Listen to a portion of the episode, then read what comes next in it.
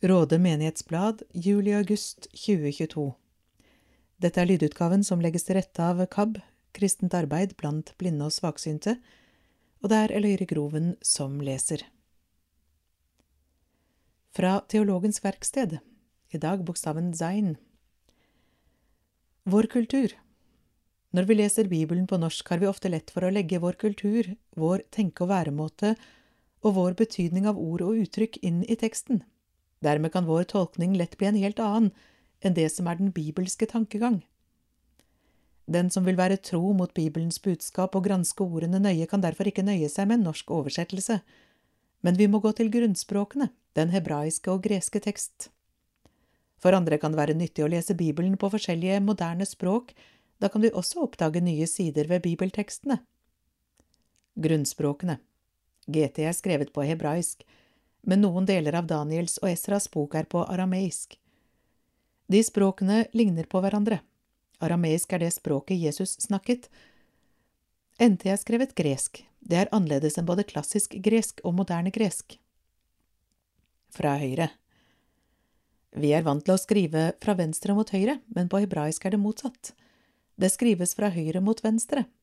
Konsonantene skrives som bokstaver, mens vokalene bare er små prikker og streker under konsonantene. I teksten er det også føyd til lesetegn som forklarer uttalen. Opprinnelig ble de hebraiske bibeltekstene skrevet med bare konsonanter, uten mellomrom. Da var det ikke alltid like lett for nye lesere å forstå det som var skrevet. Etter hvert ble ordene derfor delt opp, og vokalene ble satt til, ca. år 400 til 900, for å sikre en riktig uttale og forståelse av ordene. Vi har de bibelske skriftene samlet i én bok, men det har vært mye debatt om hvilke bøker som skulle være med. Luther for eksempel ville sløyfe både Jakobs brev og Johannes' åpenbaring. De mente han ikke var nyttige nok. Apokryfene Den katolske kirke har med flere bøker i Bibelen enn oss. De kalles apokryfene eller de deuterokanoniske bøker. De gammeltestamentlige apokryfene er jødiske skrifter som stammer fra tiden mellom GT og NT. I vår kirke ble disse samlet og kom ut i egen oversettelse i 1988 og 2018. De nytestamentlige apokryfene er blitt til fra ca. år 100 til tidlig middelalder. Et spennende skrift fra tidsrommet etter NT er Didaké. Det kalles også De tolv apostlers lære. Den boken forteller mye om livet i de aller første kristne menighetene. OB. Råde menighetsblad rade.kirken.no Redaksjonskomité Gjermund Lunder, Wenche Bjørke og Lars Olav Freim, Arne Leon Risholm. Utgiver Råde menighetsråd, bankgiro nummer 5082 05 94 530. NB Frist for innlevering av stoff til neste nummer er 4. august. Stoff til bladet eller andre henvendelser kan sendes gjermund.lunder at gmail.com, Lars Freim at hotmail.com eller e-post at rade.kirken.no. Prestens penn Fri villig av Arne Leon 2022 er frivillighetens år. Hensikten er å synliggjøre betydningen av frivillig innsats i mange ulike sammenhenger rundt omkring i landet vårt. Utallige lag og organisasjoner drives av frivillige innenfor mange ulike arbeidsformer. Idrett, musikk, kultur, menighet og misjonsarbeid og mye annet er helt avhengig av frivillig innsats for å drive videre. Vi kan godt si uten frivillighet stanser Norge. Også det offentlige er avhengig av frivillig innsats for å nå sine mål. Hva betyr det å være frivillig? Å gjøre noe frivillig betyr i bunn og grunn det motsatte av å gjøre noe under tvang, men det er jo ikke slik vi bruker ordet i denne sammenheng. Frivillighet står i denne sammenheng i motsetning til lønnet arbeid. De fleste lag, organisasjoner og menigheter har noen ansatte som holder i tråder og står for noe av den daglige drift, men uten de frivilliges innsats ville alt stanset opp. Råde menighet har over 100 frivillige som gjør en utrolig viktig innsats for menigheten vår. Arbeidet gjøres innenfor tiltak for barn og unge, for voksne og for eldre. Vi har frivillige som er med i ulike komiteer og utvalg, deltar i besøkstjeneste, er gudstjenestemedhjelpere, medhjelpere på sykehjemsandakter, koker kaffe og baker kaker, er med på givertjeneste og mye mer. All ære til alle frivillige i Råde menighet. Har vi alle de frivillige vi trenger?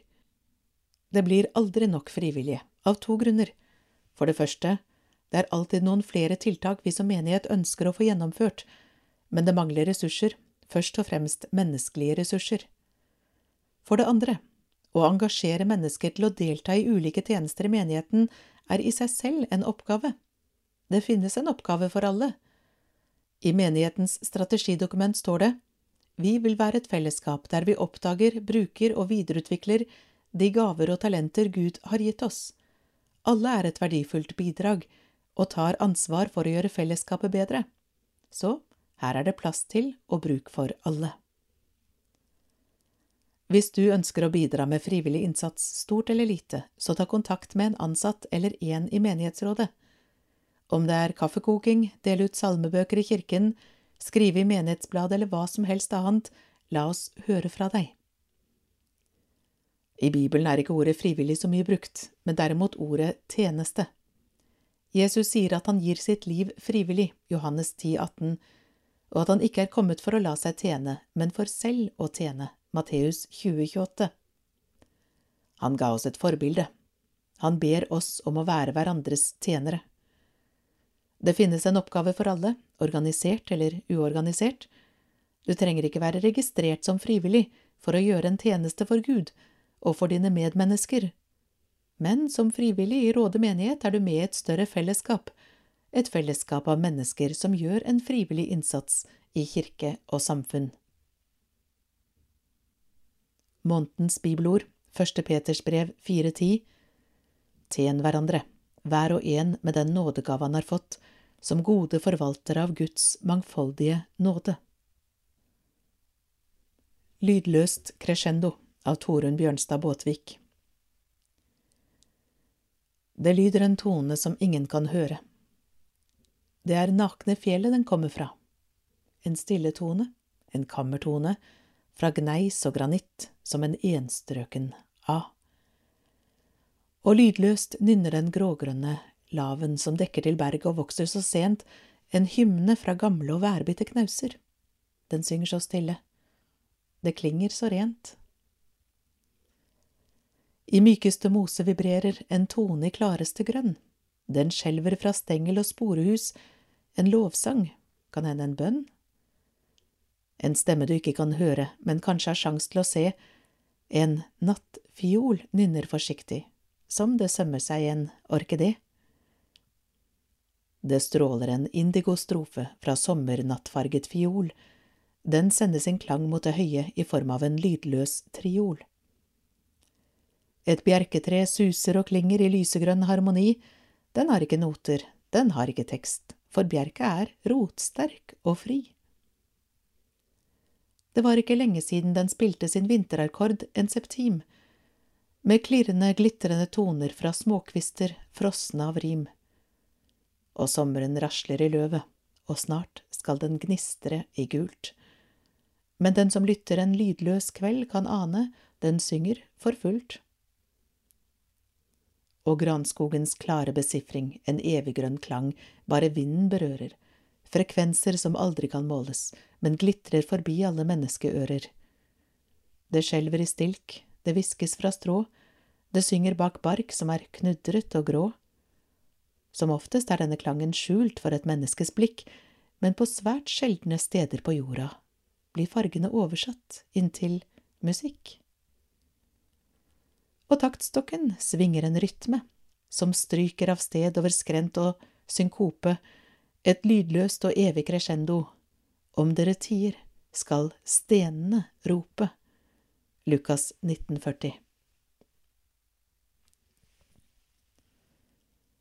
På kirkevergens bord. Tusen takk, Råde Wiseman. Nå er det lagt til rette for å ta en pust i bakken, rett utenfor Tomb kirke. Takket være en gave fra Råde Wiseman har det nå kommet en lunsjbenk vakkert plassert under eikene ved kirken. Dette er et fint område å kunne stoppe opp ved, og vi håper virkelig plassen kan bli benyttet. Råde Wiseman bidrar med støtte til Furuly, barne- og ungdomsarbeidet og andre gode tiltak i kommunen.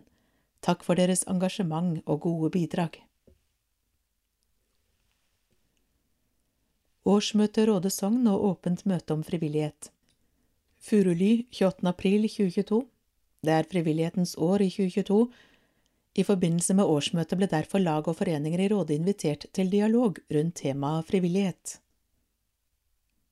Årsmøte Ragnhild Klevmoen, leder av Fellesrådet, startet med å takke og fremheve den flotte staben. Noen er mer synlige enn andre. Like viktige er de som ikke alltid syns så godt, men allikevel har en avgjørende rolle for at alle oppgavene blir gjort. Ragnhild holdt spesielt fram disse punktene fra fjoråret. Minnelunden ble ferdigstilt. Kirkerommet i Råde kirke har nå fått plass til rullestolbrukere, universell utforming. Tre benker på hver side er kortet av for å gi god plass midt i kirken for rullestolbrukere. Hilde Freim, leder av menighetsrådet, rettet en stor takk til alle frivillige som er engasjert i menighetsarbeidet.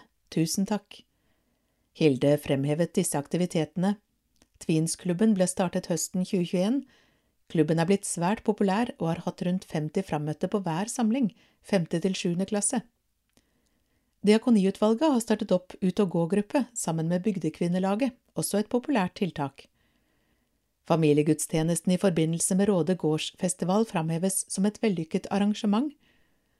Oppgradering av menighetskontorene er ferdigstilt, og malerarbeidet i inngangspartiet på Furuly er også ferdig. Hilde poengterte at hele årsrapporten er verdt å lese.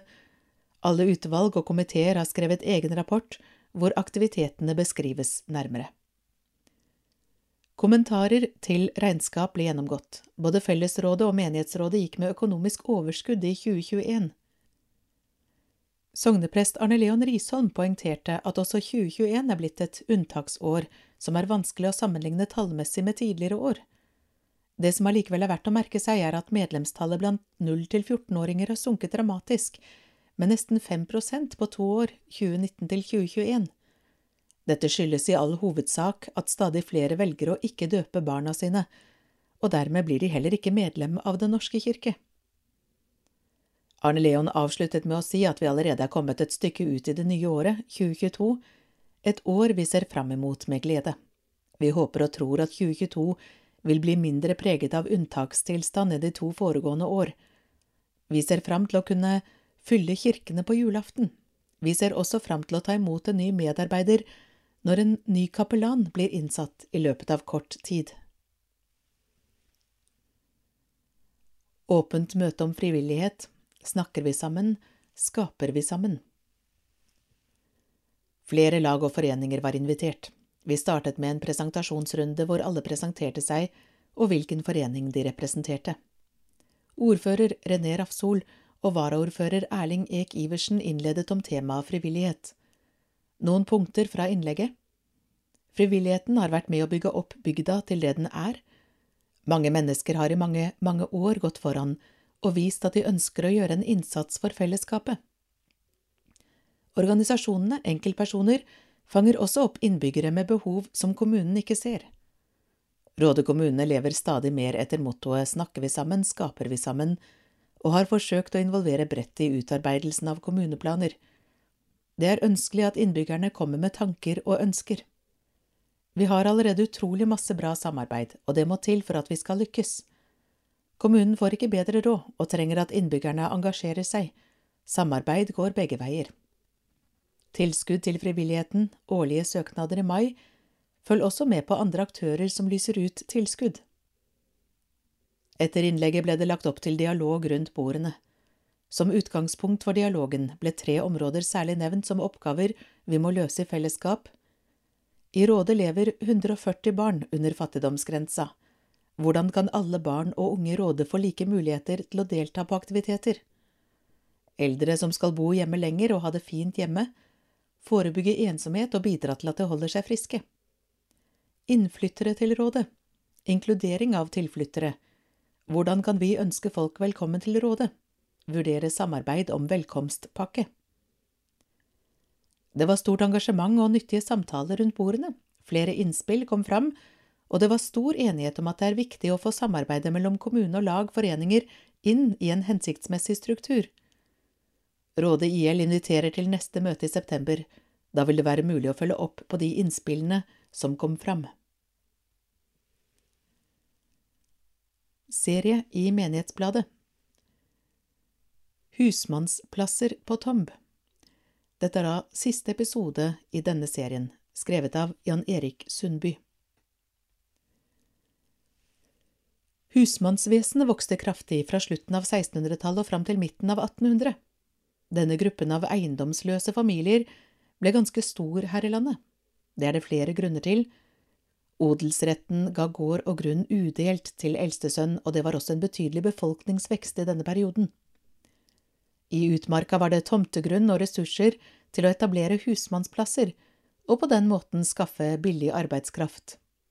Det er også en faktor at adelen mistet det juridiske grepet på leilendingene sine da lensvesenet ble avviklet i 1680.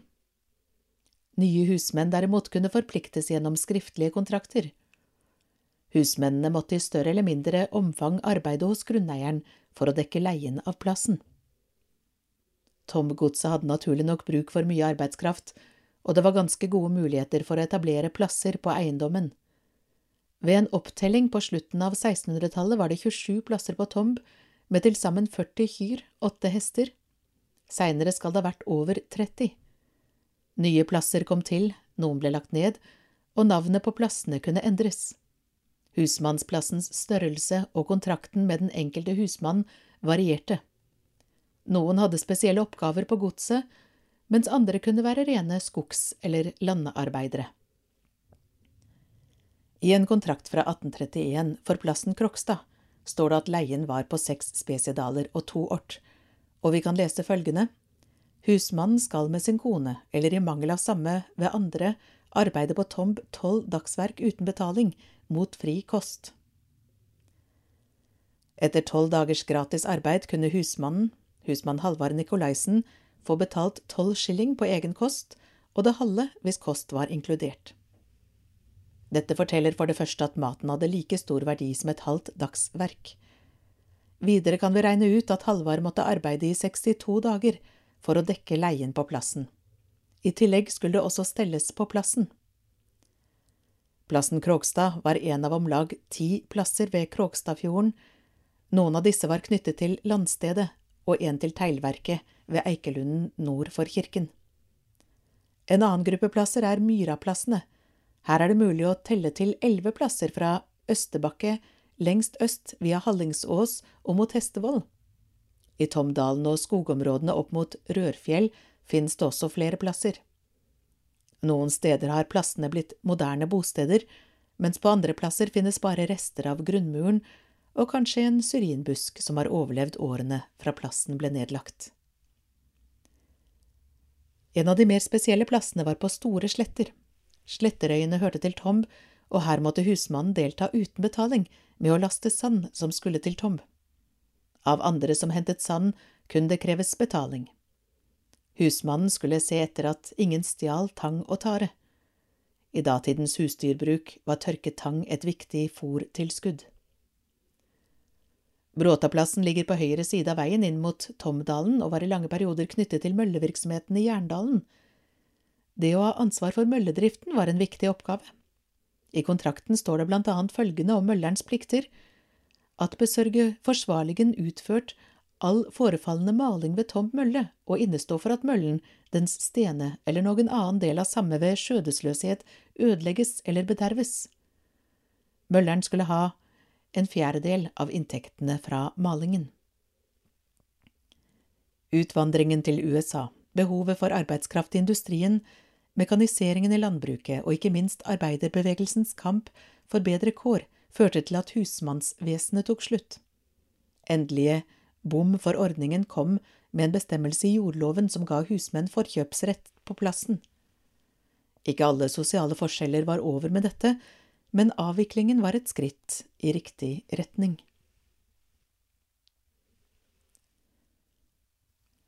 Serie for ungdom Løvetannsang, del sju av ti om Løvetannsang av Hilde Hagerup. Det er ikke mye Gerd har. En død far, en utbrent mor og en søster som synger absolutt hele tida. Ikke bor hun i et ordentlig hus heller, og noen sier hun ikke engang har et ordentlig navn. Så når vellykkede Maja dukker opp med familien sin i en sølvgrå Mercedes og truer med å ta venninnen Kajsa fra Gerd, gjelder det å ikke gi seg. Når man ikke har noe å tape, er det greit å kunne slåss. Jeg trakk pusten. Min aller største hemmelighet. Det måtte være noe bra.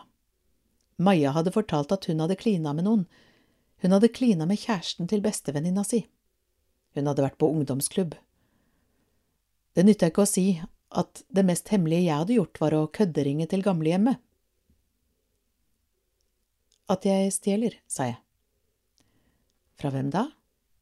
Fra forskjellige, mest fra mamma. Penger? mm. mm.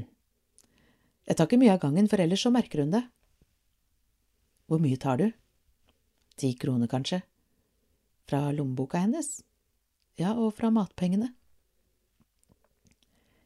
Hvis pappa ser at du stjeler fra kiosken, ringer han til politiet, hviska Kajsa. Da begynte Maja og jeg å fnise, begge to på en gang, og Kajsa skjønte det ikke. Jeg så at hun ikke skjønte det, for lyset fra månen gled over ansiktet hennes, og hun hadde et forvirra uttrykk i øya. Et drag over munnen. Lille, dumme Kajsa.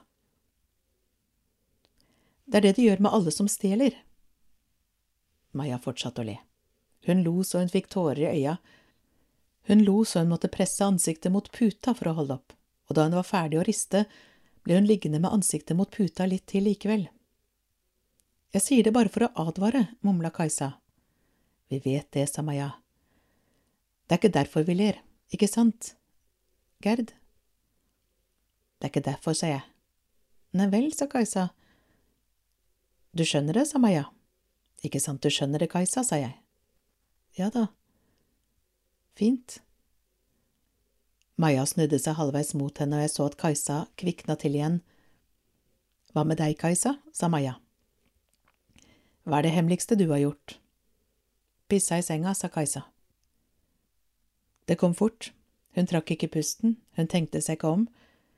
Det bare kom, det var refleks, det var sant, det var det hemmeligste Kajsa hadde gjort, og da klarte ikke Maja mer, og ikke jeg heller, vi lo så vi knakk, vi knakk i to. Vi rulla rundt på madrassene i to deler hver, og madrassene gled fra hverandre, og beinet mitt kom borti det kalde gulvet og bort på Majas madrass. Og Maja rulla og slo meg på magen da hun rulla, og jeg pakka beina rundt soveposen og beit tak i madrassen med tenna og ulte som en ulv, og Maja kasta en pute mot taket og slo i gulvet med håndflata. Da vi var ferdige, spurte Maja om Kajsa ville ha plast på madrassen i tilfelle, og jeg spurte om hun ville ha potte, og så dytta vi madrassene våre bort i kroken, vekk fra Kajsas madrass, for ingen av oss ville våkne midt på natta i en stor, gul elv. Du skjønner det, sa Maja. Ikke sant du skjønner det, Kajsa, sa jeg. Men Kajsa svarte ikke. Hun hadde snudd seg fra oss med ansiktet mot veggen, og hun snakka ikke til oss igjen før neste morgen da vi våkna og pakka sammen, og hun lot som om alt var normalt og ingenting hadde hendt.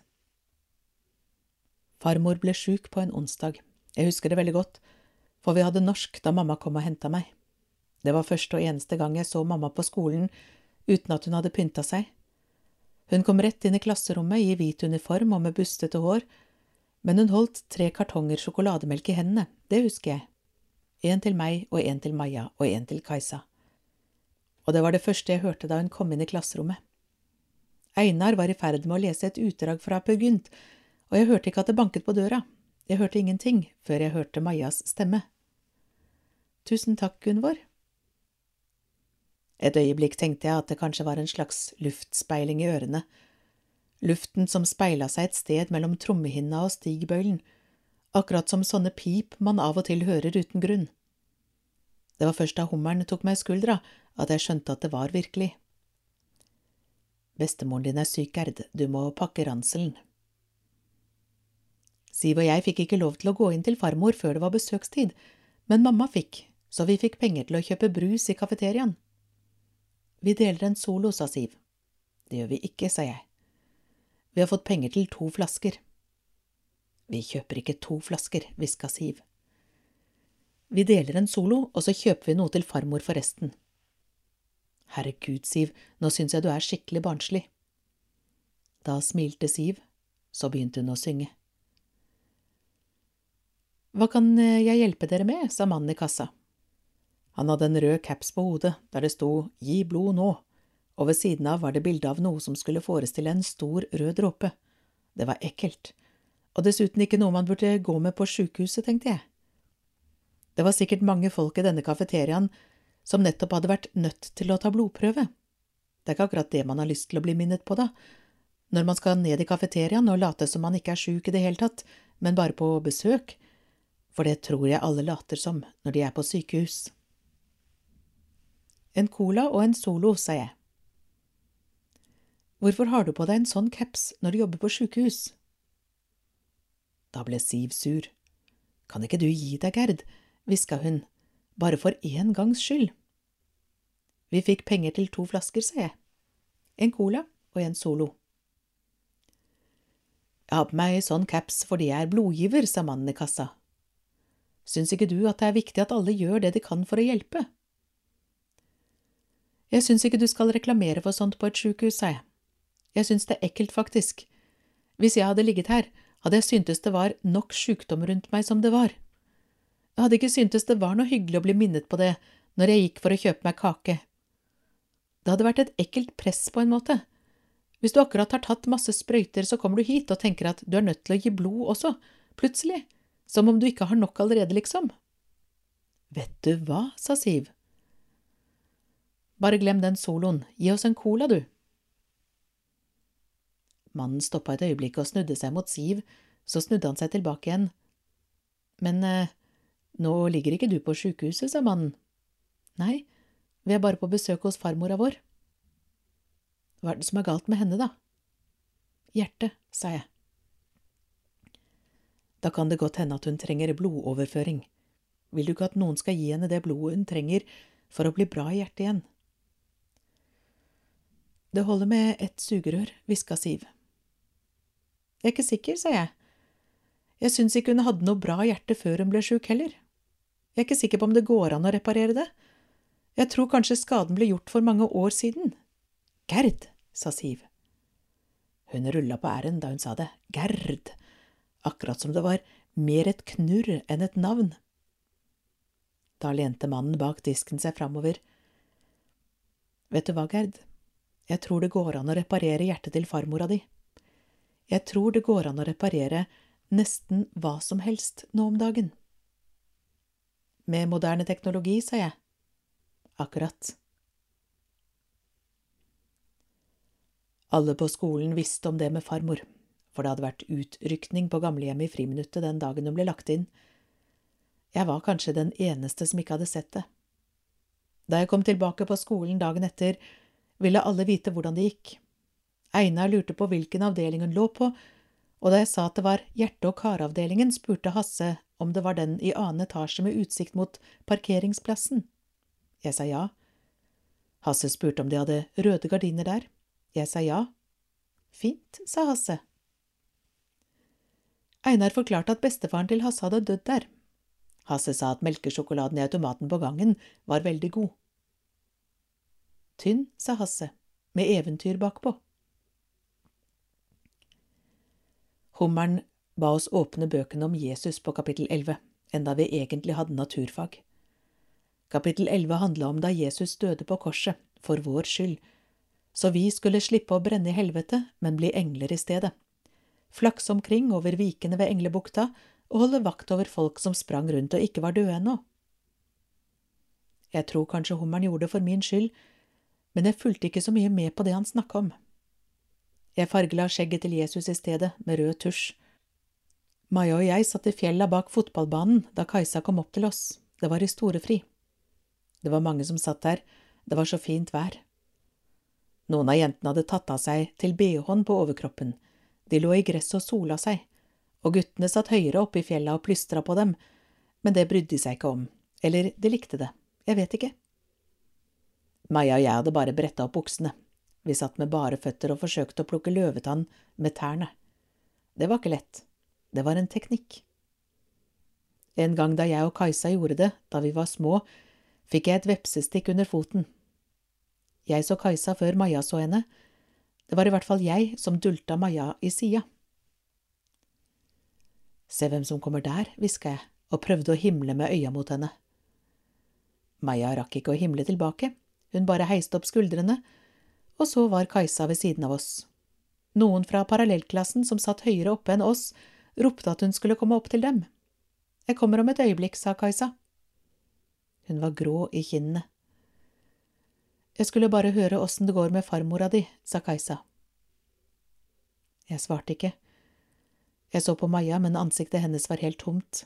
Det var umulig å si hva hun tenkte. Hun bare stirra framfor seg, akkurat som vi ikke var der, akkurat som om hun var helt alene. Åssen går det med farmora di? spurte Kajsa igjen. Hvorfor lurte du på det? Ikke for noe, vel?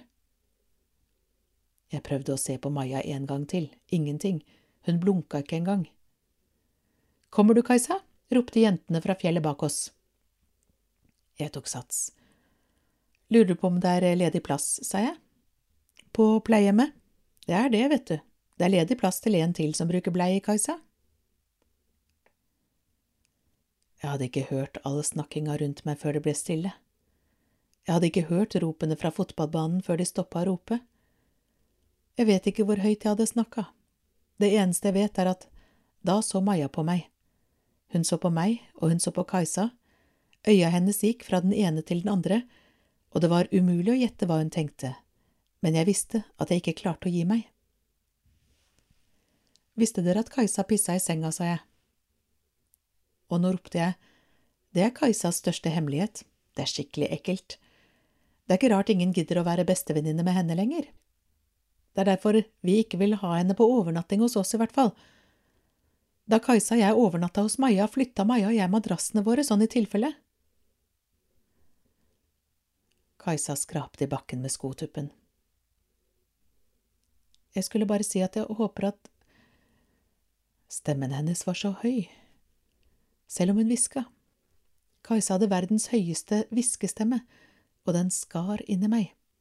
Jeg fikk vondt i halsen og brystet og hodet av å høre på henne. Men vet du hva, bare drit i det, Gerd. Så gikk hun. Det er noe jeg vil at vi skal snakke om, sa hummeren. Det gjelder disse.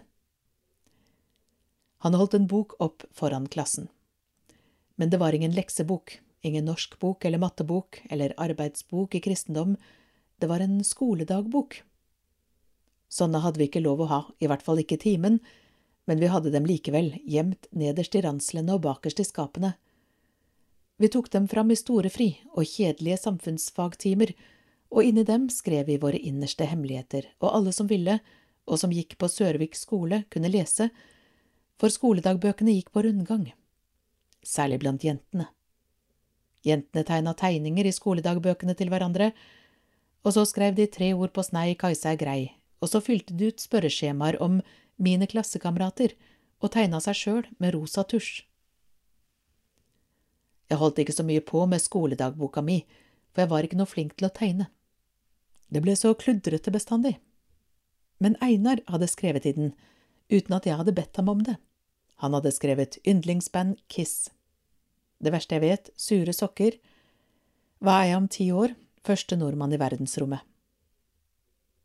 Jeg vet ikke hvem sin skoledagbok hummeren holdt, men jeg kjente igjen siden han hadde slått opp på. Jeg regner med at de fleste av dere skjønner hva dette dreier seg om. Han så på meg, jeg så tilbake, og jeg tenkte at nå kommer det til å smelle, for dette vet jeg ingenting om. Og sånn skal vi ikke ha det, vi gjør ikke sånn i denne klassen, dere skjønner det? Nei, jeg skjønner ikke det, hva var det man ikke gjorde? Jeg kikka rundt meg og prøvde å møte blikket til noen, men det var ingen som ville se meg i øya.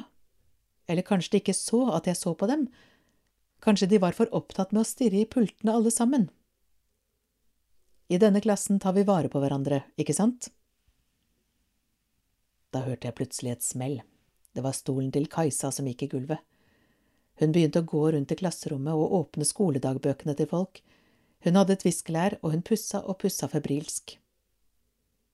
Du kan sette deg, Kajsa, sa hummeren. Jeg vil ta det bort, sa Kajsa. Det får du gjøre i friminuttet, sa hummeren. Nå har jeg sagt at sånt ikke er akseptabelt. Til neste gang kan dere skrive en stil. Noe jeg angrer på, kan den hete.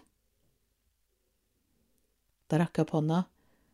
At det, sa jeg, at det lærer, må jeg skrive likevel, eller må jeg skrive to?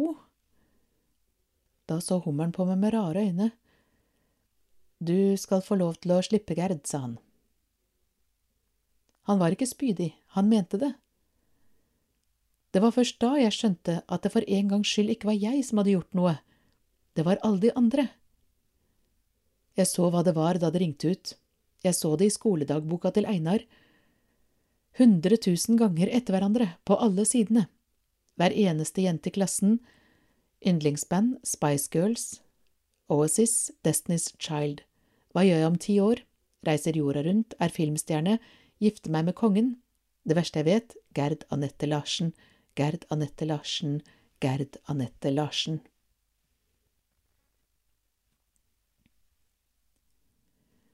Våre trær, Hegg prunus padus av LOF.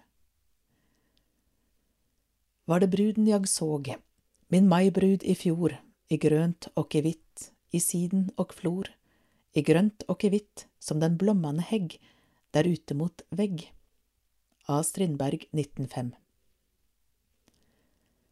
Duften av blomstrende hegg i mai-juni kan, som Strindberg dikter, vekke både minner og romantiske følelser.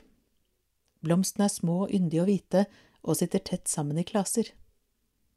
Den sterke dufta kjennes ofte på lang avstand og virker sterkt tiltrekkende på mange insekter som blant annet spinnmøll og havrelus. Det finnes et gammelt utsagn om at hvis du vil høre gjøken, så skal du plante hegg. Insekter er nemlig ei viktig matkilde for fugl, og det er ikke noe annet tre som er verre utsatt for insekter og utøy. Derfor er det lite aktuelt å ta heggblomster i hus. Dessuten visner de raskt i en blomstervase og drysser fælt, selv om vanntilgangen er god. Hegg er et lite tre som sjelden blir høyere enn 15–16 meter. Den finnes over hele landet, nordover til Hammerfest og opp til 1265 meter over havet på Hardangervidda.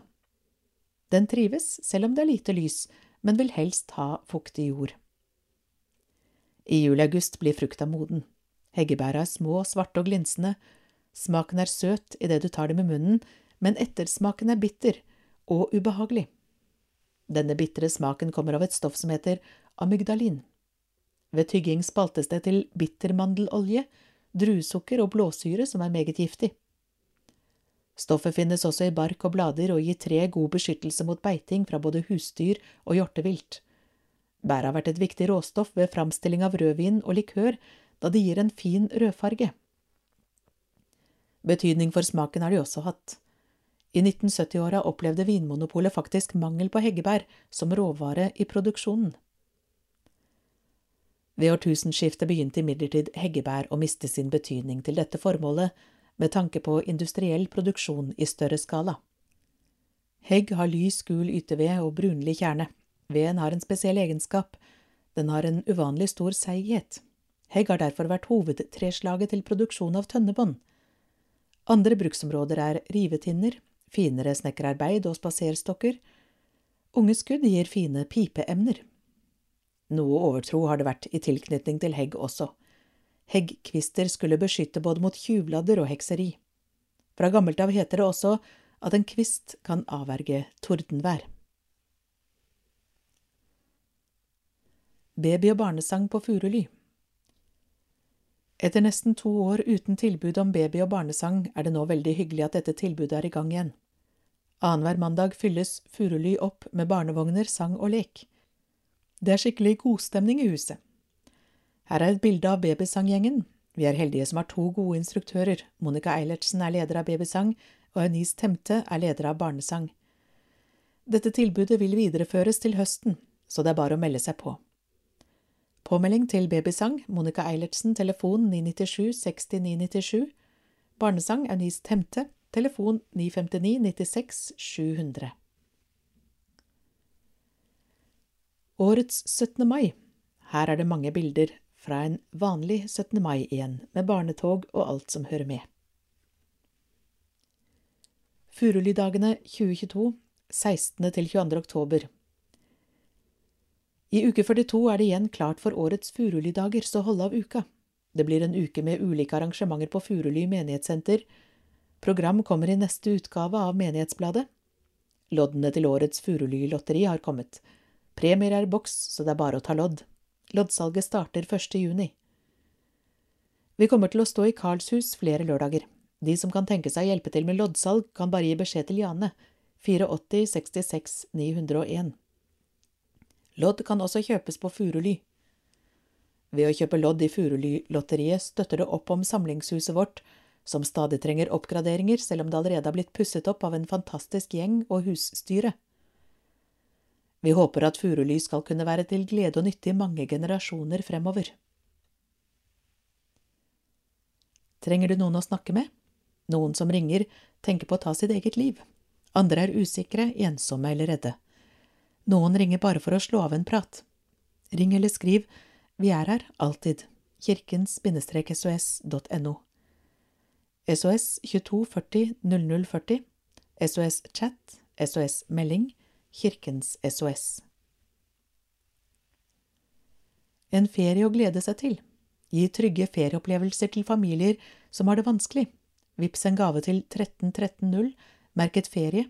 Gi på konto 3201 52 74 165. Blå Kors. Furuly Tigers Furuly Tigers er samlinger for alle barn i første til fjerde klasse. I slutten av august starter Furuly Tigers opp igjen, og et nytt år er planlagt med mye forskjellig. Vi skal både være ute og bruke bålpanna vår, være litt i kirken og utforske, og vi skal bruke hendene våre til å lage ting. Vi ønsker velkommen til alle gamle og nye tigre. Vi ønsker gjerne å bli flere. Alle fra første til fjerde klasse er veldig velkomne. Informasjon legges ut på Facebook-gruppa Furuly Tigers. Bare legg deg til der, så får du all info. Vi møtes fra 17.30 til 19. Oppstartsdato er mandag 29.8. klokken 17.30 på Furuly. Fantastiske tall for årets fasteaksjon. 112 829 kroner ble overført fra Råde menighet til Kirkens Nødhjelp. Det er ny rekord for oss. 5. april gikk årets fasteaksjon av stabelen, og spente konfirmanter gikk ut med bøssene sine. De kom tilbake omtrent like spente på hvor mye de egentlig hadde samlet inn, de var redd det ikke var så mye i bøssene. Men det må ha vært en del, for vi leverte et pent pengebeløp i kontanter. Takk til Kiwi for god hjelp når vi kom med kontantene. Hovedmengden av penger kom inn på VIPS og noe på Facebook-aksjonen. Her følger noen svært gledelige tall innsamlet 112 829 kroner, innsamlet sum per konfirmant som gikk med bøsse 2507,31 kroner, snitt per innbygger 17,45 kroner, en prosentvis oppgang fra i fjor på 131,15% Så er vi rangert slik, nummer 11 av 236 menigheter i Viken, nummer 37 av 1395 menigheter i Norge. Og aller viktigst, 451 mennesker som trengte det sårt, får nå tilgang til rent vann. Dette er vi utrolig fornøyd med. Tusen takk til alle som ga, og for at dere tok så godt imot konfirmantene. Sammen har dere vært med på å forandre. Konfirmant 2022–2023 Vi ønsker velkommen til nye konfirmanter. Velkommen til informasjonsmøte onsdag 31. august klokken 19.30 på Furuly for konfirmanter med foreldre og foresatte. Vi har sendt ut invitasjoner til dem som står i våre registre, men dersom den ikke når deg, selv om du er født i 2008, er du selvfølgelig hjertelig velkommen. Er du ikke døpt, er det ingen hindring. Du er velkommen som konfirmant. Hvert år døpes ungdommer som vil konfirmeres. Gi beskjed ved behov for tilrettelegging slik at vi kan forberede oss på å gjøre året så godt som mulig for deg. Konfirmasjonen er både for dem som vet at de tror, for dem som er usikre på om de tror, og for dem som er ganske sikre på enten det ene eller det andre. Konfirmasjonstiden åpner for undring, refleksjon og samtale, og vi underviser om de aller fleste aspekter ved livet. For informasjon, kontakt Kristine på 971 50 032 eller mail kateket at rade.kirken.no. Vi gleder oss til å møte dere. Gospel Explosion søndag 24. april av Kristine Lund Almås. Det ble en spesiell og følelsesladet kveld i Råde kirke.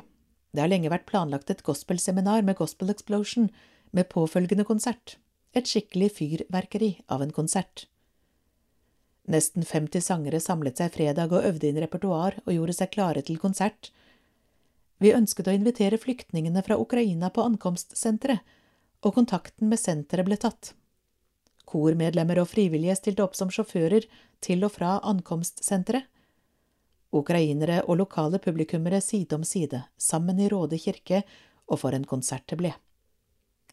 Leif Ingvald Skau har skrevet en sang som heter Enough, som handler om krigen i Ukraina, og kom som en respons på alle inntrykk. Den ble skrevet en måned før konserten, fremført for første gang denne kvelden. Et spesielt øyeblikk, og følelsene satt løst hos oss alle, en sterk opplevelse. Da vi sto og holdt hverandre mens vi sang Together We Stand, kom det ei jente på fire–fem år gående opp kirkegulvet. Det ble helt stille. Hun gikk helt opp til Leif Ingvald, som er omtrent to meter høy. Hun så opp på ham og sa Thank you very much, før hun løp tilbake til sin mor. Vi ble målløse. En familie som var til stede, var nettopp kommet fra Mariupol. De har flyktet og opplevd krigen på kroppen.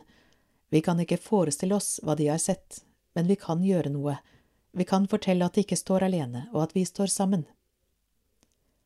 Tilbakemeldingene har vært mange, både fra dem som var på konserten, dem som har hørt om den, og fra korsangerne selv. Dette ble en mye større og sterkere opplevelse enn man var forberedt på. Kine Fosshaug farget sangene på magisk vis som solist, også hun tydelig preget av opplevelsen. Dette ble ikke bare en konsert, men så mye mer. Denne kvelden ble spesiell for mange, og det er mange å takke. Musikere, sangere, dirigent, solist, og kateketen som skriver dette, velger å takke jenta som turte å ta ordet, for det hun gjorde, at hun gir håp, og for all den gleden hun viste oss i koret når hun viste ekte musikkglede ved å danse seg gjennom konserten. La oss aldri glemme, men bruke denne opplevelsen til å holde hjertet varmt. Together We Stand. Varmt velkommen til to foredrag av Peter Halldorf. 30. september 2022 klokken 18 Furuly menighetssenter Råde Hvor lenge skal jorden sørge? 1. oktober 2022 11 Nordkirken Sandefjord Alt det skapte sukker og stønner. Peter Haldorf er pastor, forfatter, retreatleder og grunnlegger av Ekibs, ekumeniska kommuniteten i Bjerka Seby. Han vil også presentere sine to bøker Fuglene synger ikke lenger og Derfor sørger jorden. Etter initiativ fra økumenisk gruppe, Roy Nordbakke tilhørende Det Norske Baptistsamfunn, Tore Krogstad tilhørende Den evangelisk-lutherske frikirke, Erling Rantrud tilhørende Det evangelisk-lutherske kirkesamfunn og Einar Johannes Helgestad tilhørende pinsebevegelsen i samarbeid med Nordkirken Sandefjord, DNK Råde menighet, Verbum forlag og Lunde forlag. Skaperverket og mennesket på Guds jord, håp og handling i møte med klimaalvoret. Pensjonistforbundet i Rådet, grillparty på Saltholmen mandag 15. juni klokken 12. Møt opp på Bøndenes hus klokken 11. Vi fyller opp bilene og kjører sammen. Påmelding til Gerd 906 65 455 værforbehold. Dagstur i Indre Østfold, onsdag 24. august klokken 11. Oppmøte ved Frikirken i Saltnes klokken 8.30. Program besøk på Spydberg prestegård med omvisning. Orientering om sjøormen i Ramsjøen. Lunsjrett med dessert og kaffe på Scandic Brennemoen hotell i Rømskog. Turen koster 300. Påmelding innen 4. august til Gerd på telefon 906 65 455. Rotary, blir kjent i Råde, tur 2, område Røsta camping, tid 28. august klokken 13. Oppmøte Røsta camping. Enkel bevertning på turen, kaffe og noe å bite i der hvor vi parkerer når vi kommer tilbake. KFUK, 17. august Furuly klokken 19, besøk fra og orientering om Ekeli bigård. Velkommen. Råde menighet sitt diakoniutvalg inviterer tur til Ellingstranda i Saltnes lørdag 3. september klokken 11.30. Program Lek og konkurranser, mulighet for bading sammen med foreldre, ta med grillmat for eget behov, kaffe, saft og kaker blir servert. Værforbehold. Ved usikkert vær kan dere ringe til Kai Kinn, telefon 942 32 781, eller til Reidun Sørli, telefon 979 81 231. Hvis du trenger skyss til Ellingstranda, kan du også ringe til Kai eller Reidun senest fredag, 2. september. I dette tilfellet møter du opp på plassen ved kommunehuset i Karlshus klokka 11. Her kommer en god sommer midt i bladet. Informasjon fra Rådebibliotek. Åpningstider. Råde bibliotek har åpent som normalt til og med 6. juli. Fra 7. juli til og med 31. juli vil biblioteket være stengt. Meråpent-tilbudet vil være tilgjengelig for alle som har avtale, mandag til fredag i hele sommer. Forbehold om endringer. Biblioteket åpner igjen mandag 1. august. Følg oss på Facebook og se radebibliotek.no for mer informasjon. Bli med på Sommerles. Sommerles.no er en lesekampanje for barn fra første til sjuende trinn, inkludert dem som starter på skolen til høsten. Barna kan registrere bøker de har lest, lese en fortelling og løse oppgaver knyttet til fortellingen i et eget nettunivers. Underveis i kampanjen kan barna hente små premier på Råde bibliotek. Vi trekker også noen premier blant alle deltakerne etter kampanjens slutt. Påmelding til sommerles.no fra 1. juni. Kampanjen varer ut august. Bookbites og Libby. E-bøker og e-lydbøker på norsk kan du låne i Bookbites. Appen Bookbites bibliotek kan brukes på nettbrett og telefoner som bruker operativsystemet Android eller IOS Apple. Du trenger lånekort og PIN-kode for å komme i gang. Det er begrensninger i antall samtidige lån. E-bøker og e-lydbøker på engelsk kan du låne i appen Libby.